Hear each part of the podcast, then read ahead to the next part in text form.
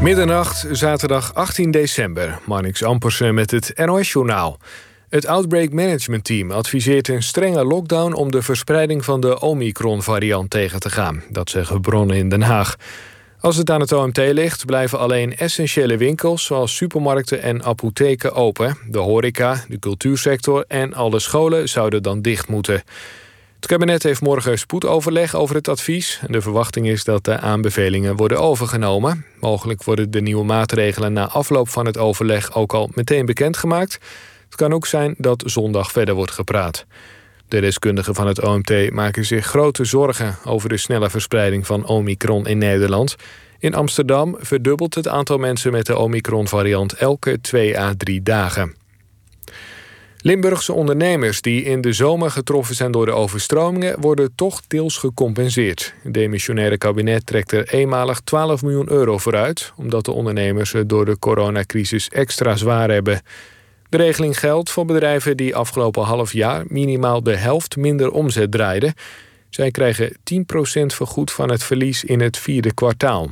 De Limburgse werkgeversvereniging vindt de compensatie veel te laag. Rusland wil dat de NAVO vrijwel al zijn troepen en wapens terugtrekt uit Oost-Europa en afstand neemt van Oekraïne.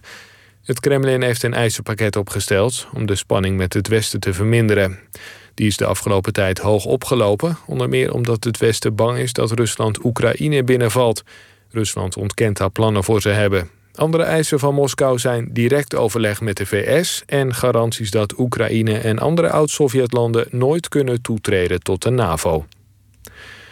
Het weer bewolkt en hier en daar wat regen. Het koelt af naar een graad of 7.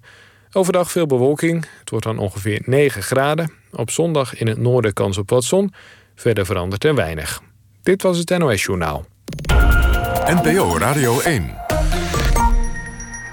VPRO. Nooit meer slapen.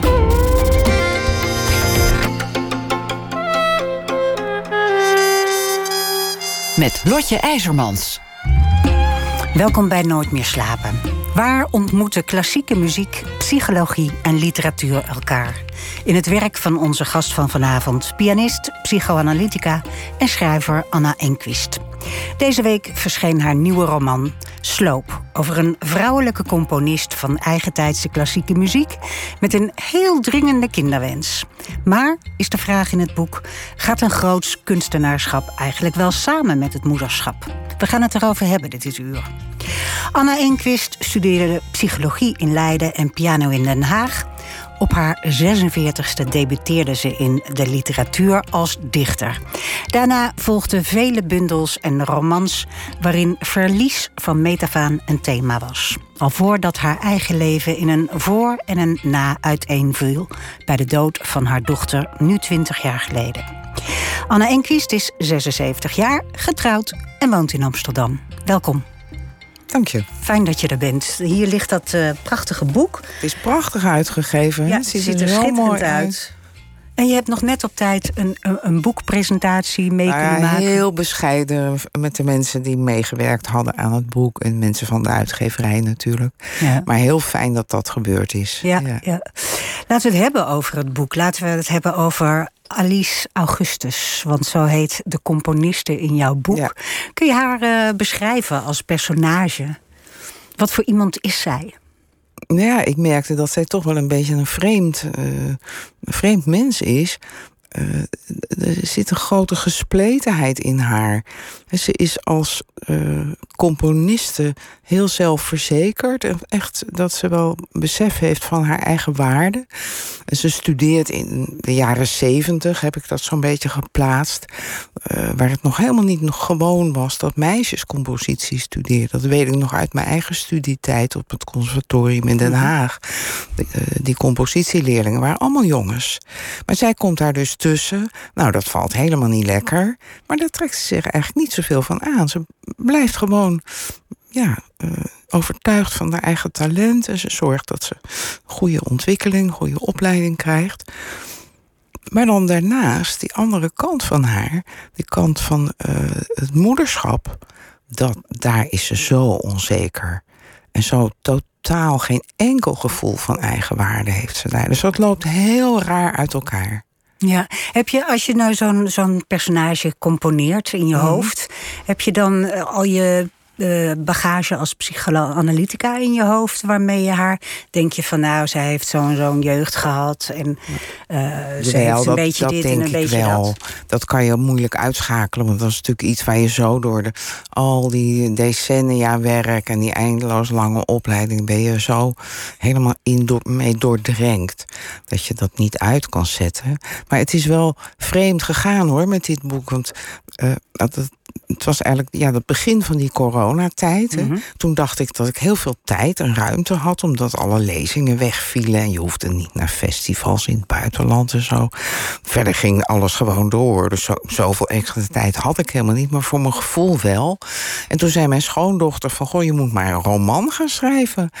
Toen dacht ik eigenlijk, ja, goed idee. Je moet natuurlijk altijd schrijven over iets wat je bezighoudt. En wat mij in die tijd bezighield was. Um, ik was net geweest op de, eh, een herdenking van Co Westerik. Eh, die schilder. Dat was schilder een- en tekenaar. ja, een goede vriend van ons. En eh, toen was er in Boymans een, ja, een soort overzichtstentoonstelling over zijn werk. En er was ook een hele wand gewijd aan dat relief in Rotterdam. Op dat oude postgebouw. Zo'n zo'n muur van 30 meter hoog. Waar hij dat touwtje springend meisje op gemaakt had. Als relief. Hè. Dus dat had echt ook dikte. Eh, en dat was nog in een tijd dat de post bestond. En dat, iedereen dacht dat de post altijd zou bestaan. Maar nee hoor, de privatisering, post weg, PTT weg, eh, gebouw verkocht, nieuwe eigenaar wou er iets anders neerzetten. Meisje gemold Ja, met een sloopkogel. met een sloopkogel. Ik, ik laat dan in, in mijn boek Alice een filmpje zien daarvan op, op, eh, op eh, de computer. Maar in het echt heb ik geloof ik alleen maar foto's ervan gezien. Maar dat is erg genoeg. En, en, Ja. en het, het, het is sowieso altijd wel dramatisch als een gebouw gesloopt wordt of, ja, of maar als ontploft. zo'n Of, prachtig kunstwerk ook gesloopt wordt. Nou is het wel zo dat Co heel gedetailleerd al zijn werktekeningen heeft bewaard. Dus precies de formaten, de kleuren, de materialen, de volgorde van maken, hoe je het dus opnieuw kan doen. ja, want daar was sprake van, hè, dat het hersteld Nog zou steeds, worden. ja. Ja. ja. eh, eh, Koos oudste zoon Willem, die is eh, in Rotterdam bezig om, en ook Fenna, zijn vrouw, Koos vrouw, om, om een muur te vinden Waar ze weer op kan. waar ze weer op kan. Want het kan dus zo opnieuw gemaakt worden dankzij die werkaantekeningen. Maar nu staat ze op de voorkant van jouw boek.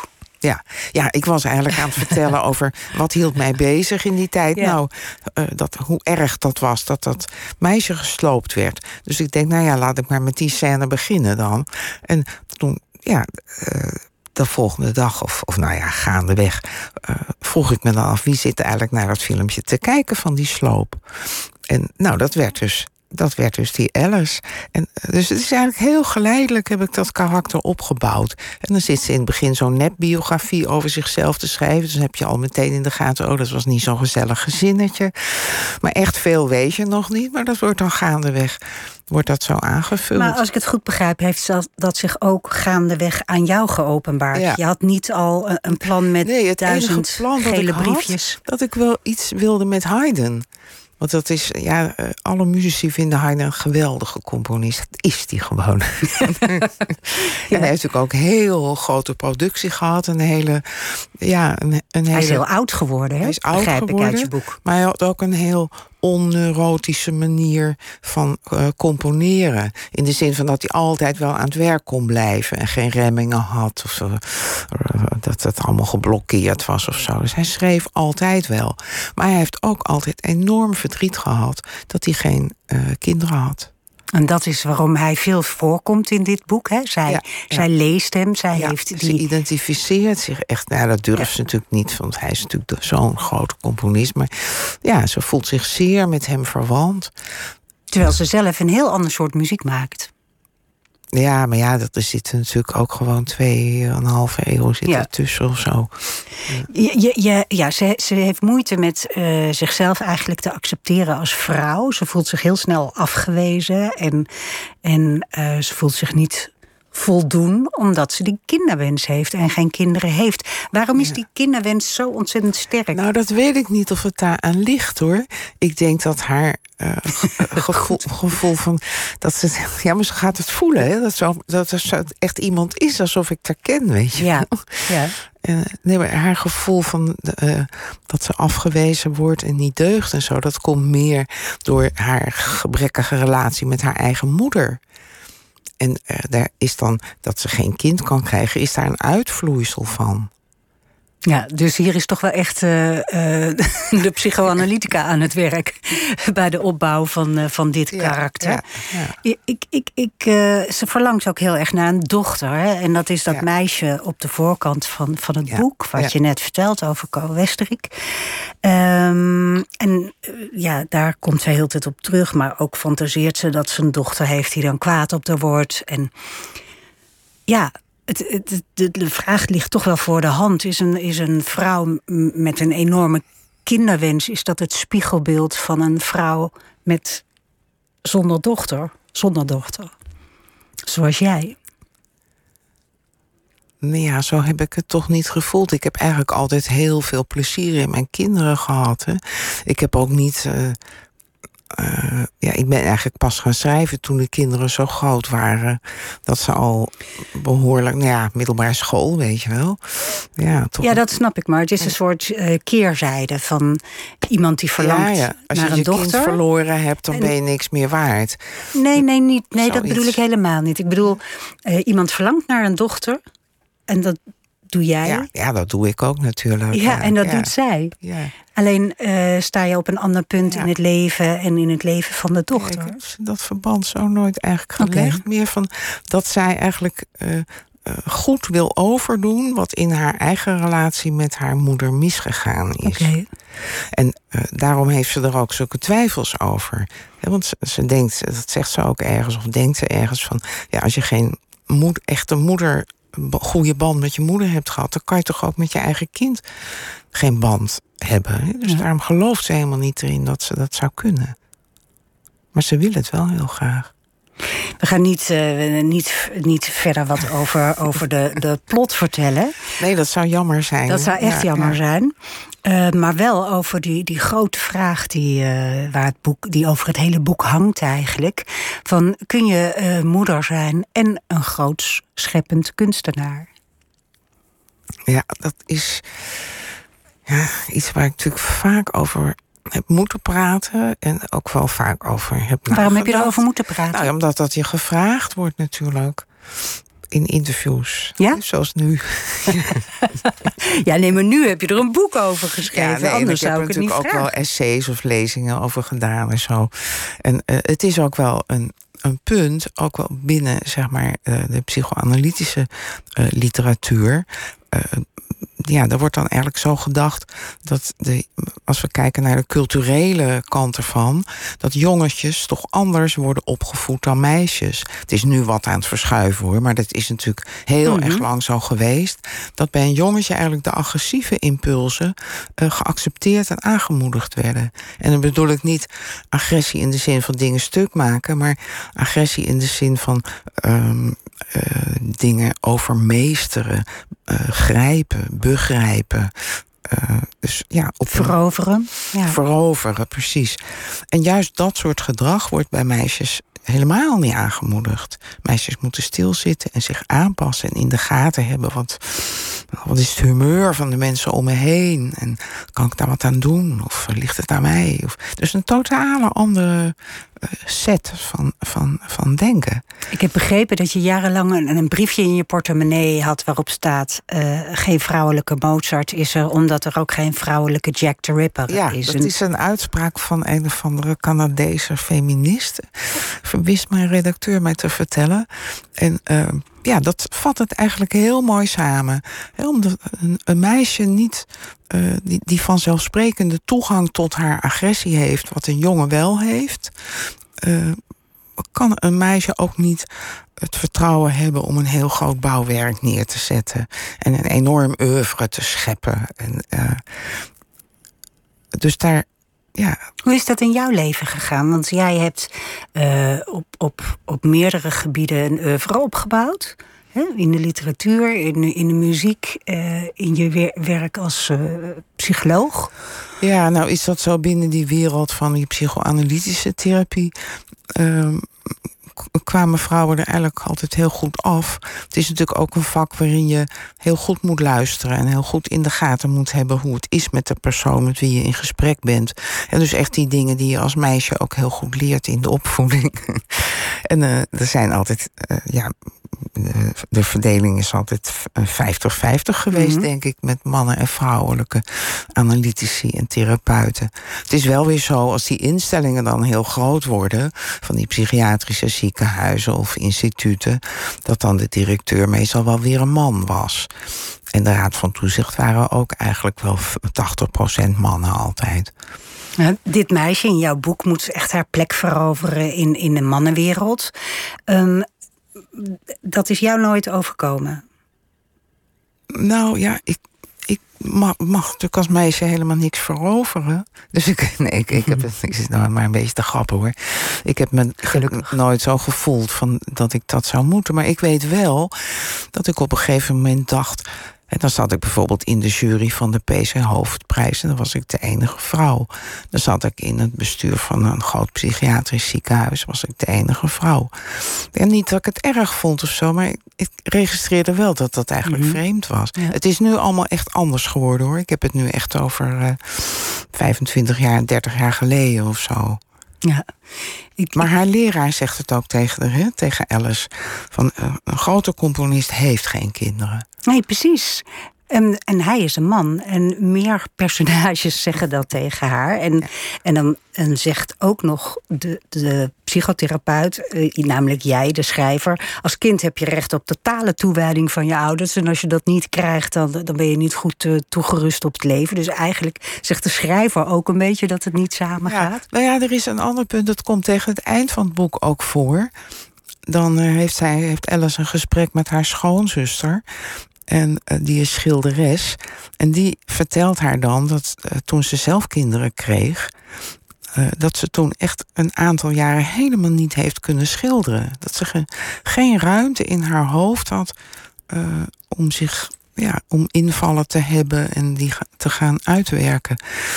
En dat kwam niet, zegt ze dan, door gebrek aan tijd of uh, dat je niet uh, genoeg slaap hebt of de, dat soort dingen. Maar het kwam gewoon door de betrokkenheid op die kinderen. Dus dat je door een, een jong kind zo in beslag genomen wordt, mentaal, dat je even niet, ja, geen behoefte hebt aan componeren of schrijven of schilderen. Aan dat, aan dat agressieve aspect, wat jij ja, noemt het een precies, agressieve. Ja. En ik denk eigenlijk van dat verschijnsel dat dat iets biologisch is. Dat de natuur dat zo in elkaar gezet heeft, zodat er voor zo'n hulpeloos babytje gezorgd ja, wordt. Ik was erover gaan nadenken toen ik het boek gelezen had. Want aan ja. de ene kant, ik ben ook uh, moeder en ik ja. herken het een herken beetje. Het? Um, maar ik word er ook, ik denk ook als feminist, denk ik, nou ja, zeg. Ja, maar dat is jammer dat dat feminisme zo uh, totaal, zo radicaal geworden is. En dat er. Uh, ja, dat de biologie eigenlijk uh, weggedaan is. Nee, maar... Terwijl die is er toch, die bestaat toch. Ja, ik vroeg me af of jij het bedoelde als een soort uh, statement... of als een soort ja, individuele keus van dit personage. Ik denk, jij bent schrijver, dus je bedoelt zoiets toch een beetje als statement. Nou ja, ik denk wel dat ik het aardig vond om uh, iets van nuancering aan te brengen. Ik vind absoluut uh, dat vrouwen heel goed kunnen schrijven en schilderen. En uh, dat ze vast ook heel goed gaan componeren. maar het is anders. En dan kan je je afvragen: waarom is in onze maatschappij het zo nodig om dat andere ook meteen minder te vinden? En het andere is dan het moederschap? Nee, het, uh, het vrouwelijke, de vrouwelijke schrijvers. Oh ja, maar dat is weer een ander verhaal. Daar moeten we ook nog nou, over gaan praten. Dat heeft hier toch mee te maken. Leg uit. Vrouwen kunnen geen oeuvres maken. Vrouwen schrijven over kleine dingen. En dat wordt dan als minder beschouwd. Ja, maar dat, dat is niet. ehm, Je had het Ja, als ander onderwerp op je lijstje. Nee, daar gaat het niet over. Nee, het gaat erover dat. eh, dat nou, laten we daar even over doorgaan dan. Mhm. Dat heb jij heel erg meegemaakt. Jij bent echt afgeslacht door mannelijke Ja. eh, Ja. recensenten op een hele onbehoorlijke manier. Dat vind ik dan ook weer als eh, feminist. maar ehm, wat denk je dat de grond daarvan was? Want het ging helemaal niet over de kwaliteit van je poëzie. Nee, nee, nee, nee. Ja, ik, ik weet het niet. Eh, Ik, ja, het kan zijn dat mensen denken van... goh, die vrouw die heeft al zo'n mooi beroep... waarom moet ze zich ook dan nog eh, manifesteren in boeken? Het kan zijn... Ja, ik heb er altijd heel erg goed mee verdiend... dat ik gewoon te veel verkocht. Ik weet het niet. Het gaat ook over het soort onderwerpen. Hè? Over, Jij Ja. schrijft nu over vruchtbaarheid bijvoorbeeld. Ja. Ik zie een man dat niet zo heel snel doen. Nee, nee maar dat is, dat is iets. Eh, eh, eh, dat is echt wel een punt. Ehm, ik heb daar wel eens over gesproken een aantal keren met Marja Pruis, die recensente Mhm. van De Groene. En, dan wisselen we ook wel met elkaar tips uit van vrouwelijke schrijvers die wij goed vinden. En ehm, nou, bijvoorbeeld zo iemand als Anne Tyler. Mhm, Een hele mooie schrijfster is dat. Maar die schrijft eigenlijk altijd inderdaad over een huisvrouw die in een keuken staat. Een beetje pijnzen en uit het raam te kijken. Kleine dingen. En eh, het zijn prachtige boeken. En het gaat natuurlijk echt over hele belangrijke, Het gaat over hele universele thema's. hele universele thema's. En dat wordt dan eh, ja, toch als minder beschouwd. Of dat is dan vrouwenliteratuur of zo. Misschien dat er iets in gaat verschuiven hoor. Want er zijn natuurlijk echt veel meer mensen die eh, gaan beseffen dat eh, dat gewoon hele goede boeken zijn. Eh, je hebt ook natuurlijk die Jane Gardner gehad een paar jaar geleden met die schitterende trilogie. Nou ja, er zijn, er zijn tal van goede vrouwelijke schrijvers. Heel erg veel, ja. Er zijn ook mannelijke schrijvers die dat zien, hoor. Die, die Anne Tyler ook geweldig vinden. Het is echt niet alleen maar mannen, vrouwen, maar ja, de grote lijn wel natuurlijk. Nou, maar jij hebt daar wel eh, mee te maken gehad. Maar dat staat eigenlijk los van de vraag of een vrouw een scheppend artiest kan zijn en een moeder. En jij zegt van nou, eigenlijk is het soort biologisch dat, dat vrouwen dan zich aan hun Ja. kinderen wijden. Ja, maar kijk, dan maakt. We hebben het over een paar jaar in de tijd. Hè? Ik denk die paar jaar dat je echt hele klein kleine baby's ja. hebt. Ja, als je moeder bent en daar lol in hebt, dan ben je waarschijnlijk toch helemaal verliefd op die baby. En dan schrijf je even een paar jaar niet. Maar Of- dat is ook niet zo andere erg. dingetjes. En dat is niet erg.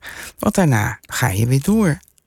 Ik zou bijna zeggen, kijk naar mij. Dan kan je zo weer 30 boeken schrijven. Ja, maar jij hebt je piano dicht gedaan toen je kinderen klein waren.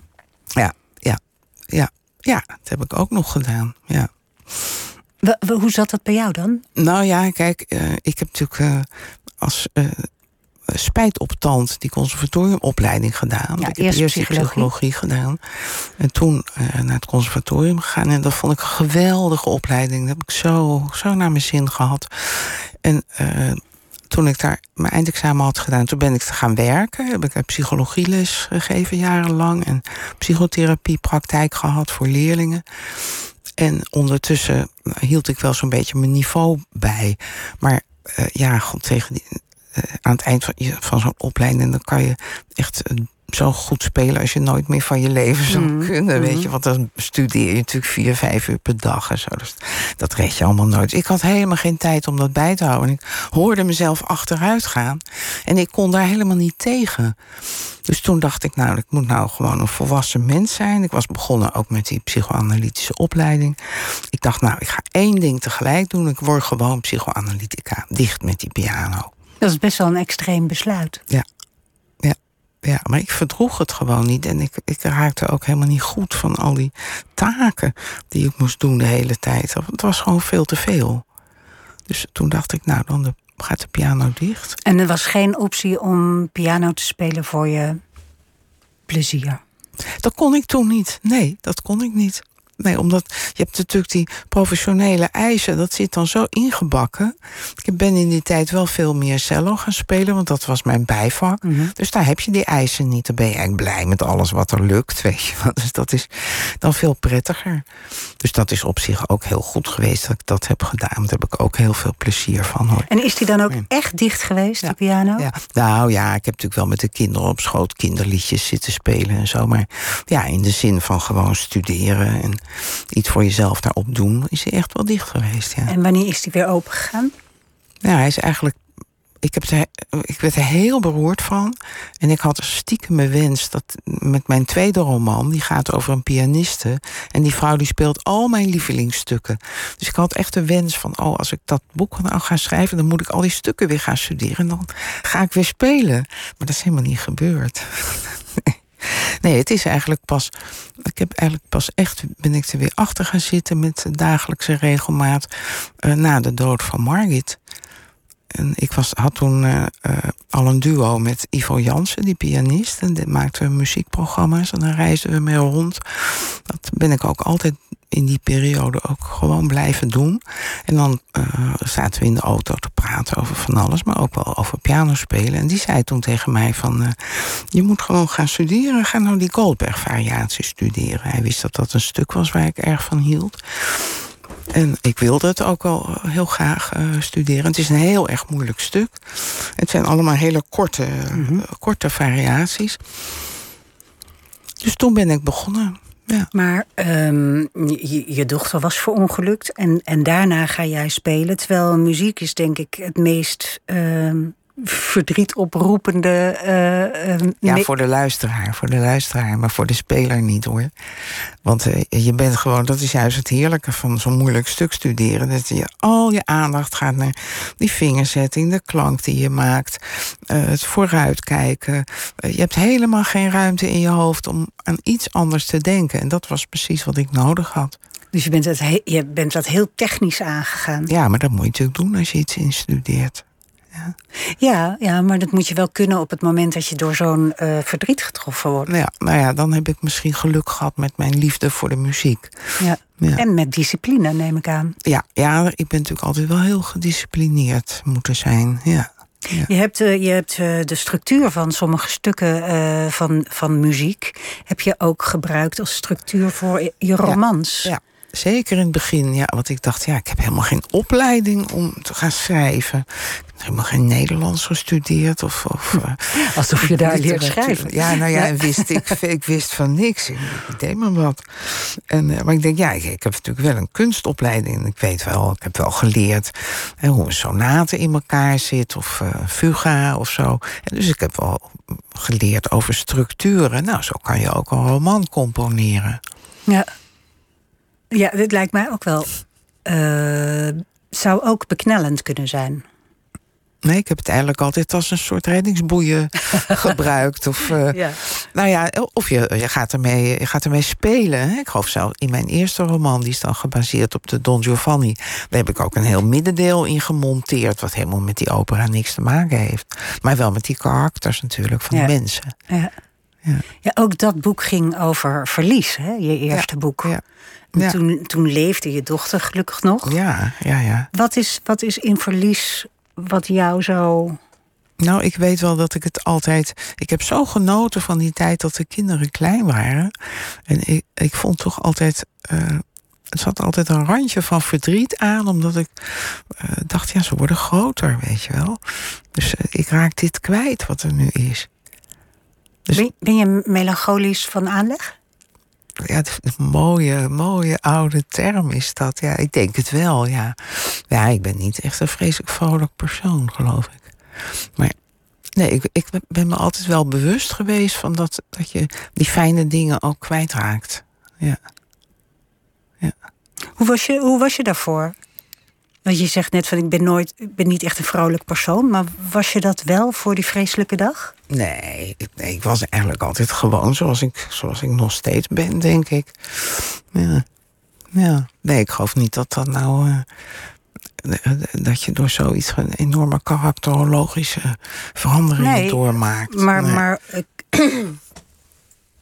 je zegt ik was geen vrolijk persoon, dus ik vraag daar een beetje Het naar zou door. kunnen dat ik wat boziger geworden ben en sneller geïrriteerd. Wat zijn de dingen waar je. eh, Nou ja, zoals we nu net vanavond elkaar tegenkwamen, dat ik eigenlijk meteen begin te fulmineren tegen dat idiote vaccinatiebeleid. Dat, terwijl, ja, god, ik ben een vrouw van 76. Ik kan ook gewoon rustig gaan zitten en eens afwachten waar jij mee komt of zo. Nou, en het, dat, ik zie het ook in je boeken. Want bijvoorbeeld je, je ene laatste dichtbundel. Of Ja, je laatste dicht, laatste. Ja, daar zat zo'n woede Ja, in. Niet ja, te geloven. Ja, maar die heb ik ook echt expres daar opgeschreven. Ik dacht, ik ga nou gewoon eens een dichtbundel maken zoals ik een roman maak. Van het ene gedicht naar het andere. En gewoon precies zeggen hoe het is. En, en die woede van jou, waar, waar, waar zit dat precies in? Natuurlijk in je verlies, maar waarom die woede? Ja, dat, dat spreekt toch, denk ik, vanzelf. Dat je ook naast verdrietig ook ontzettend kwaad wordt. Als je leven zo verstoord is. Het is misschien in het heel groot.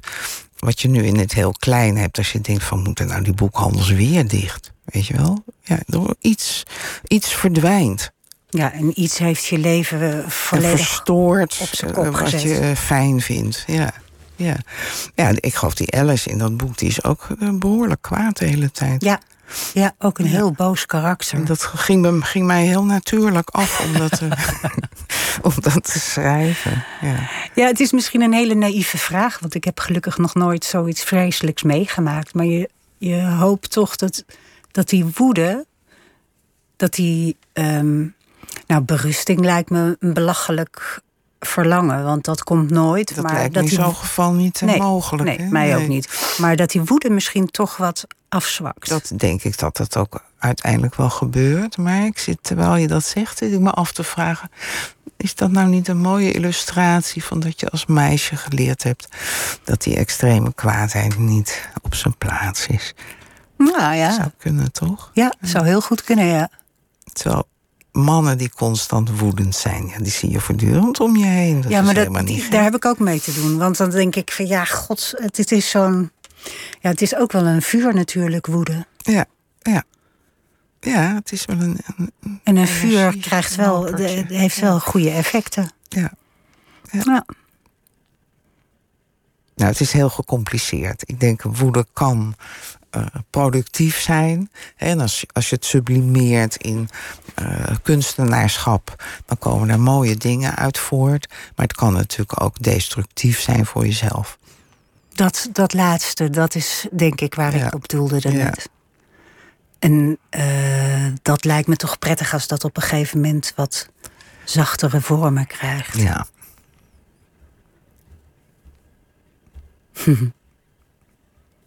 Maar dat gebeurt niet. Dat weet ik niet. Dat weet ik niet. Het is niet iets eh, waar ik naar streef of zo. Of wat ik, bij, eh, waar ik mee bezig ben. Van god, dat moet veranderen. Of ik moet anders worden of zo. Nee, nee ik hoef ook niks meer, zeg. Ik ben zo oud. Is dat zo? Ja. Hoef je niks meer? Nee, dat vind ik nou van de ouderdom wel een voordeel hoor. Dat je denkt van nou, wat kan het me schelen? Je hebt net een boek geschreven. Daar Ja. is toch een enorme drive voor nodig? Hè? Dat Ja, maar hebben we dat net ik- eh, vastgesteld. ja, dat je daar dat, die... dat was, vond ik gewoon heel erg leuk om te doen. Heel leuk om te maken. Ja.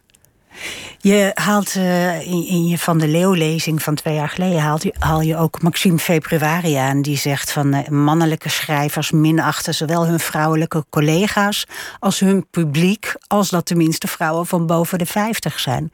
Wat is er toch mis met vrouwen boven de 50? Ik denk dat dat wel een oude tekst is hoor. Van haar of van hem moet je, van hem, moet je ja. zeggen. En eh, misschien ook een beetje raillerend gezegd. Een Tuurlijk. beetje overdreven.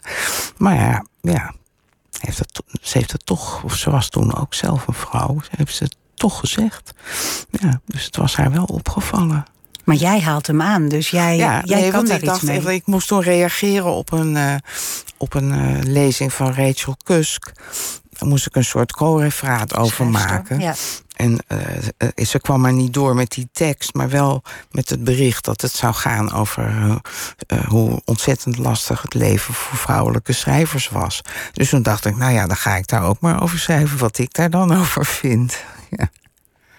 En in, en, en in jouw eigen leven, nou ja, je, je hebt dus je kunsten even opzij gezet voor je, voor je kinderen. Uh, maar je, je bent nu 76 en je gaat nog steeds door. Dus dat die, die agressie die je nodig hebt, ja. die, die heb jij wel. Uh, waarom hebben anderen dat niet? Is, hoe kunnen vrouwen daaraan ontsnappen? Aan die. Wat jij dan. Mm... Aan die inperkende oplos, uh, opvoeding ja. bedoel je? Nou, ik denk dat dat al voor een heel groot deel gebeurt. He, er, er, zijn natuurlijk uh, in de opvoeding uh, wordt dit onderwerp ook besproken.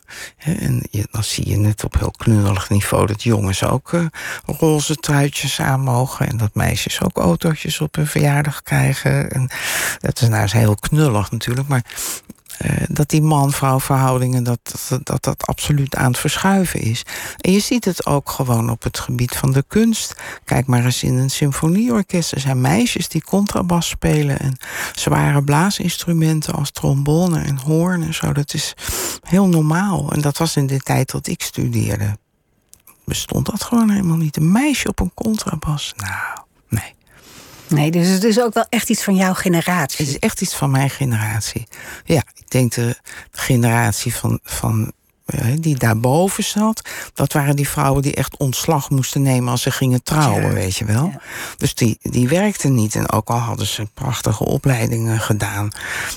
Nee, ze werkten gewoon niet. De mannen werkten. En dan en ze mochten ook niet werken ze als ze trouwden. Ja. Ja. En hun dochters, die gingen dan wel studeren. En dat, ja, dat gaf misschien toch ook wel, behalve bevrediging, ook wel jaloezie. Of, uh, en dat ben jij, hè? Ja. Jij bent zo de ja, mijn generatie, generatie, generatie moest het bevechten. Die meisjes. Ja, dat je studeerde en dan ook serieus ging werken. Hoe stond je erin? Was je, was je, want uh, jouw leeftijdsgenoten genoten waren Dolomina's. Hoe stond jij uh, in, in Ja, dat? weet je, ik heb in Leiden gestudeerd. En dat is, daar loopt alles toch echt wel 30 jaar achter of nou, zo. Nee. In die tijd wel hoor.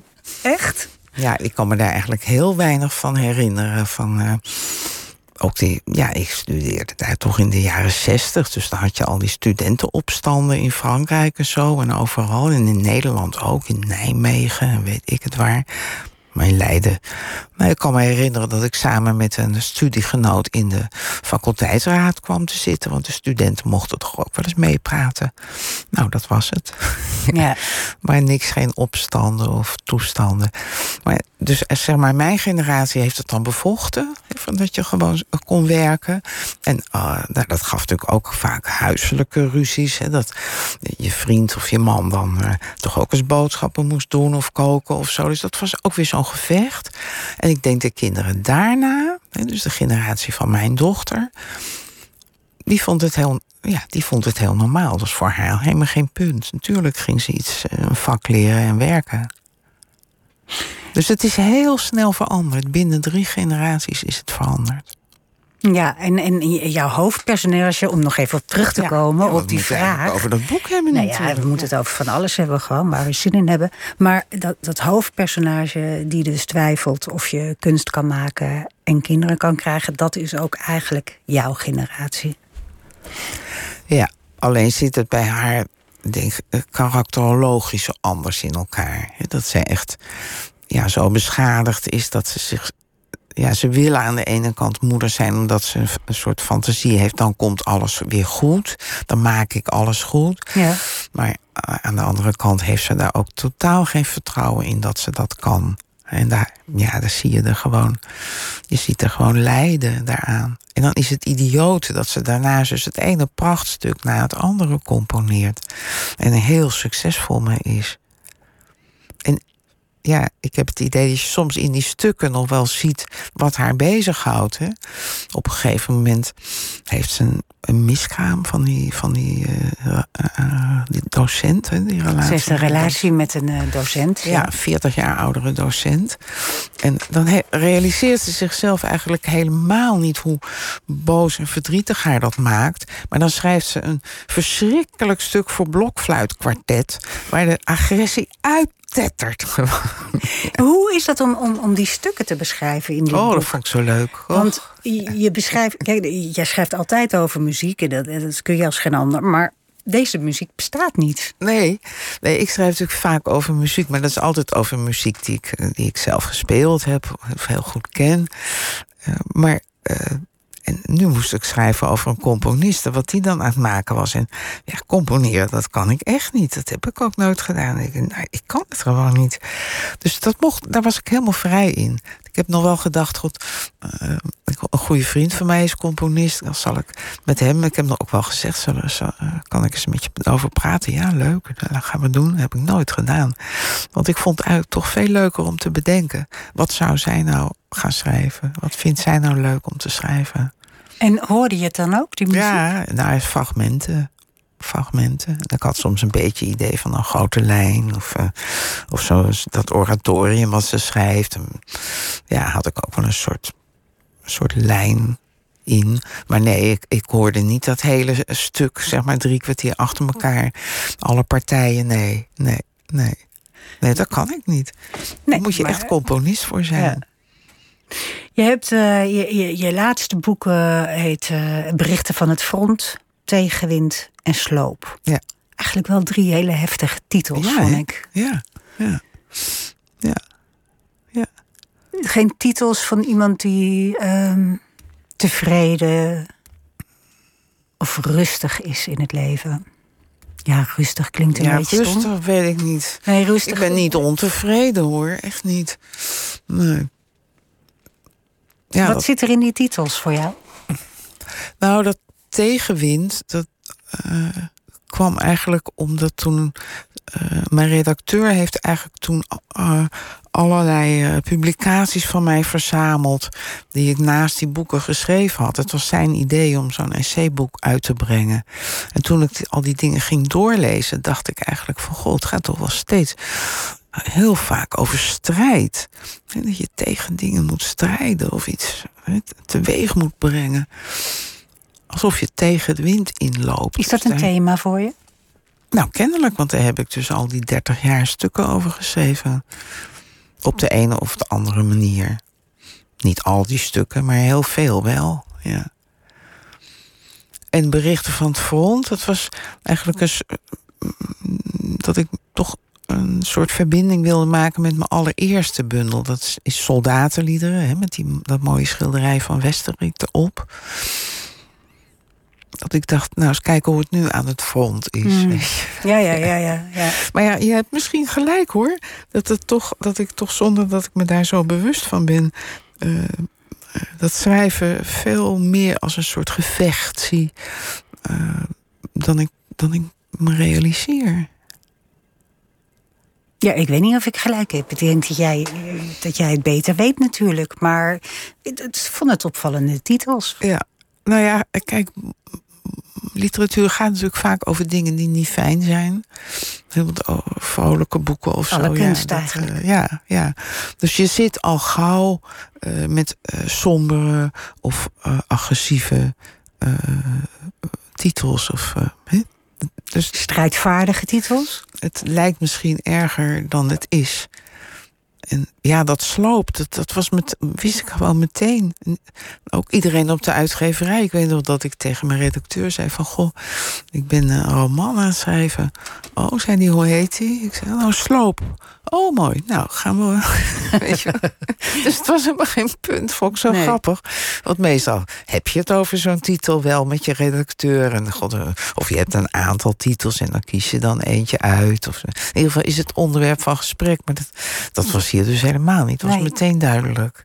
Ik vroeg net toen, uh, toen, toen je net binnenkwam, toen zei ik van uh, hoe, hoe, je, je schrijft 500 woorden per dag. Dat, dat heb ja. je wel eens in een interview gezegd.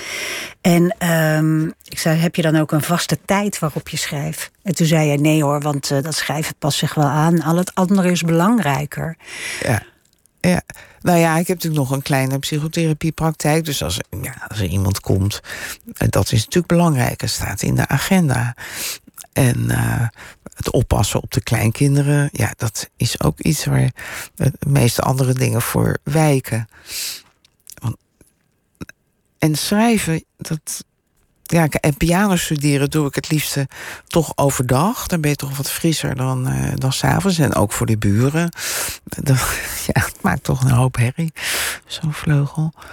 Uh, dus dat zijn eigenlijk allemaal dingen die voorgaan. Ja, tenzij je heel erg in een passage van een boek zit... dat je denkt, oh, ik heb nou vannacht dat en dat bedacht... dat moet ik nu op gaan schrijven. Dat heb ik natuurlijk ook wel eens, zoiets. Maar in principe denk ik, ja, dat kan ik ook wel s'avonds als ik moe ben...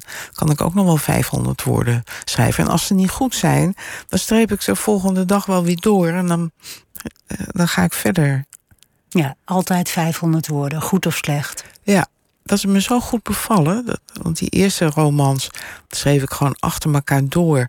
Nou, als zo'n boek dan af was, dan was ik helemaal gewoon oververmoeid of ziek. Of, ja, dat ik had natuurlijk ook een baan en kinderen, weet ik wat, gewoon veel te druk. Dus dat waren idiote projecten. Bovendien moest ik dan zo'n boek ook helemaal plannen. Dat ik, want ik dacht, dat mag ook niet mislukken als ik er zoveel werk in steek. Dus dan zat ik maar al die scènes op te schrijven die ik al bedacht had. Nou, dat is ook niks. Dit is, zoals dit, geschreven is, is veel leuker. Ja, omdat het organisch is. Het begint bij het begin, je vertelt een verhaal. Ja, en ik maak helemaal geen, uh, geen planning daarvoor. Dat, die planning ontstaat wel zo gaandeweg. Dat je denkt, oh ja, gaat over dit eigenlijk. Oh ja, in Haydn, dat is mooi. Als die daar ook weer terugkomt. En dus op die manier ben ik dan wel bezig. Ik vind het grappig, omdat het zo losjes klinkt. Terwijl jij dus die, die hele strakke structuren soms uh, hanteert. Ja. En terwijl je iemand bent die juist heel erg gaat over het doorgronden. Doorgronden, mm. omdat je psychoanalytica bent. En heel erg uh, juist kijkt wat er onder de oppervlakte is. Terwijl hoe je er zelf over praat, is een beetje, nou, het ontvouwt zich. Ja, ja, maar dat, dat, dat is wel een ontwikkelingslijn. Hè? Dat ik vertelde je dat het in het begin echt wel anders was. Met die romans in ieder geval. Hè? Met de poëzie natuurlijk niet, want dat zijn veel meer korte termijn projecten. Maar die romans, dat was natuurlijk toch wel. Ja, dat zijn hele ondernemingen. Daar ben je toch wel zo twee, tweeënhalf jaar ben je met zo'n boek bezig. Ja. In, in uh, de bundel uh, Berichten van het Front zijn de laatste woorden van jou van een gedicht. Wantrouw de woorden, luister goed en koester de muziek. Wantrouw de woorden, dat is best een uitspraak voor een schrijver. Ja, ja. maar ja, kijk, als je die, als je die kunstvormen vergelijkt, dan uh, is het toch eigenlijk altijd zo dat mensen meer en intenser voelen bij muziek. Ja dan bij tekst. En uh, nou, dat geldt voor mij zeker ook. Aan de andere kant is het zo dat je zonder tekst niet kan. Je kan niet leven zonder taal. Je, kan niks echt uitleggen zonder taal. Dus je bent veroordeeld tot die taal. En je kan ook een beetje muziek maken in de taal. En in de poëzie vooral natuurlijk. Ja, maar jouw, jouw beroepsleven hè, als, als psychoanalytica drijft op taal. Ja. En je schrijverschap drijft op taal. Ik ben ook gek op taal, echt hoor. Ik hou erg van taal en ik uh, doe daar veel aan en uh, lees daarover. En ja, ik, ik, voel me daar ook prettig in en goed in. Maar muziek gaat boven Maar de muziek alles. gaat dieper, ja.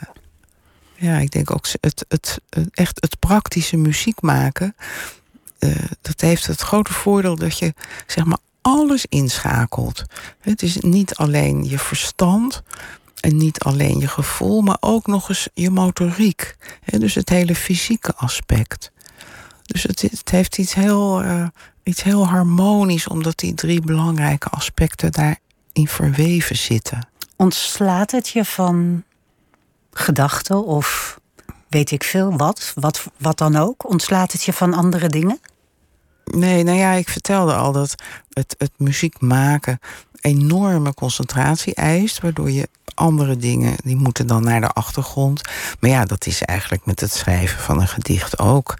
En dat is met het schrijven van een hoofdstuk uit een roman ook zo dan moet je ook niet aan de boodschappenlijstjes gaan zitten denken. Of aan dat je toch zo de pest hebt aan dat dat, dat mislukt is. Of, uh, nee, dan moet je echt concentreren op die tekst. Maar met muziek is dat makkelijker, want die noten roepen je gewoon. Je, je moet weten welke vingers je gebruikt. En je moet weten welk tempo je wil hebben. En je moet luisteren naar hoe het klinkt. En uh, nadenken van waarom krijg ik die klank die ik wil hier niet. Moet ik mijn handen iets anders of meer gewicht? Of, dus... Uh, de noten nodigen je uit om je erin te gaan verliezen. Terwijl met, met dat schrijven, als ik merk dat ik ontzettend afgeleid ben terwijl ik eigenlijk wil gaan schrijven, denk ik, nou dan ga ik vanavond wel schrijven. Want dat gaat zo niet. Was het liefde op het eerste gezicht? Want bij jullie thuis stond een piano, maar daar speelde eigenlijk niemand op. Nee. En toen ging jij daar wel op spelen? Ja, maar pas heel laat hoor. Hoe oud was je? Ik mocht pas pianoles toen ik twaalf was of zo. En waarom wilde je het zo graag, terwijl er niemand weet ik niet, Dat weet ik eigenlijk niet, hoe dat gekomen is. Nou, ik weet wel dat ik alles van, van liedjes en, en uh, altijd heel doorgegrepen was. En er was op lagere school een juffrouw die de hele klas uh, leerde blokfluit spelen. En toen bleek dat ik daar heel goed in was. Dus die ging mij toen meenemen naar blokfluitweekenden van zo'n vereniging van huismuziek of zo. Nou ja, er ging een wereld voor me open gewoon. Ja, dus ik heb nog steeds wel een grote liefde voor de blokfluit. Daarom vind ik ook wel leuk dat hij in dit boek. In dit boek komt hij ook prominent voorkomt, voor. ja. ja. Je, hebt, je hebt ook wel eens in een artikel deze al jouw bezigheden met elkaar vergeleken. Hè? Van, de, je zegt de romanschrijver is eigenlijk te vergelijken met de componist. En niet Ja. met een, een muzikus. Ja. ja, omdat je natuurlijk zelf de inhoud moet bedenken. Hè? Terwijl als, als, als muzikus dan speel je ja, de inhoud die al bedacht is door Schubert of Bach of eh, Beethoven of zo.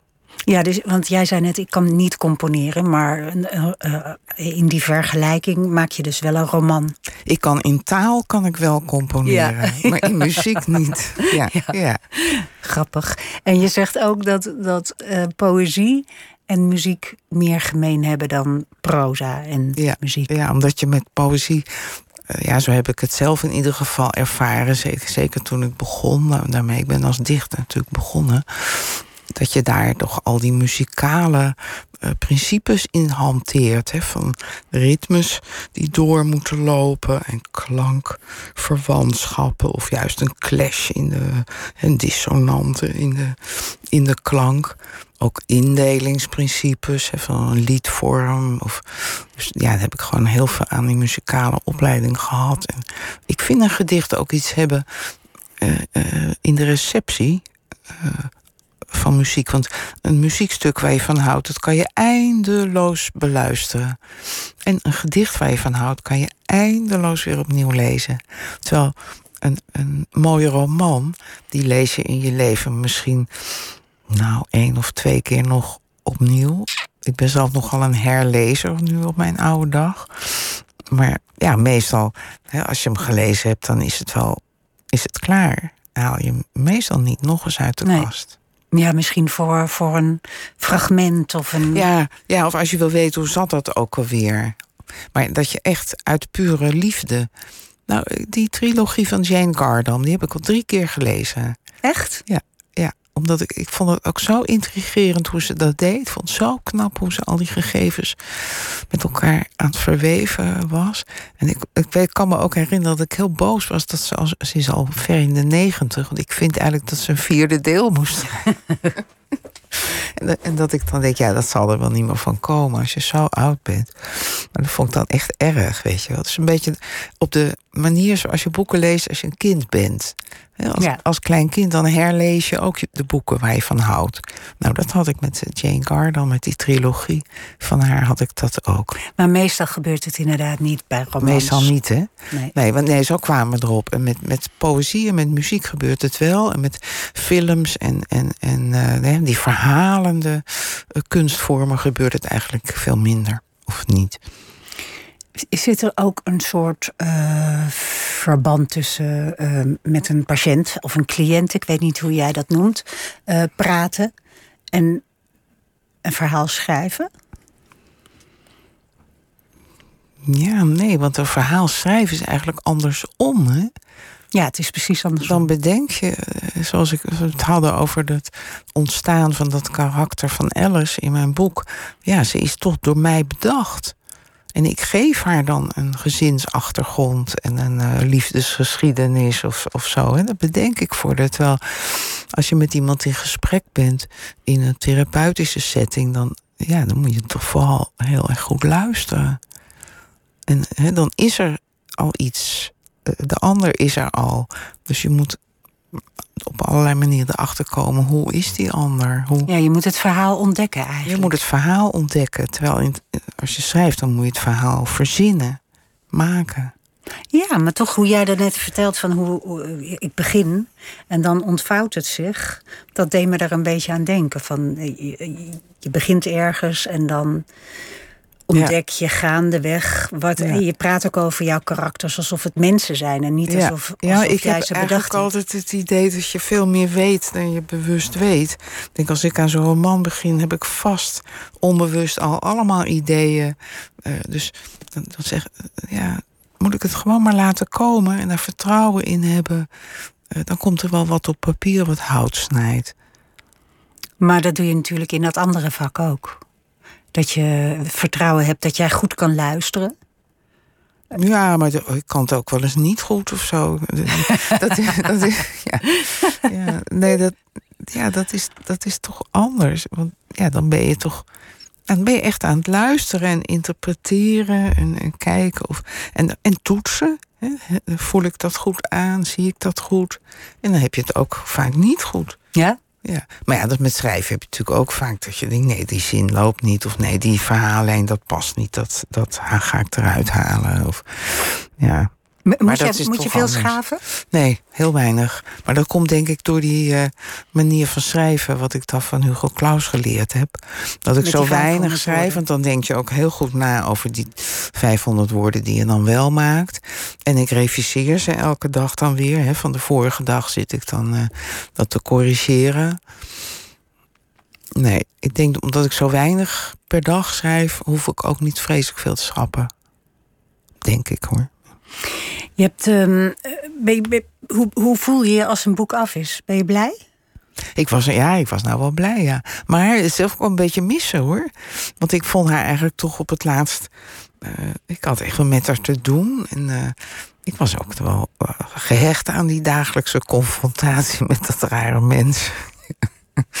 dus je, mist, je mist dat ook wel.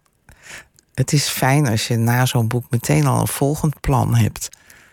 Heel veel schrijvers hebben dat, hè, maar dat heb ik nu eigenlijk in dit geval helemaal niet. Ik vind dat ik al de afgelopen jaar zoveel heb gepubliceerd. Het is nou wel even goed. Ja, de, de, maar je, je gaat toch niet, niet. Nee, dat weet ik ook helemaal niet. Ik krijg misschien wel weer eens een inval of weer zin om iets te doen of zo. Maar ik vind, nee, ik wil ook wel graag trouw zijn aan wat ik nou gemaakt heb. En dan zijn ze op de uitgeverij natuurlijk drukte mee. En uh, ja, dan ga ik niet uh, alvast weer met iets volgens. Uh. dat, maar dat zou je ook ontrouw vinden naar je personage toe waarschijnlijk. Ook, ja. Ja, ja, want die vorige romans, weet ik wel, ik had dan toch over zo'n strijkkwartet geschreven.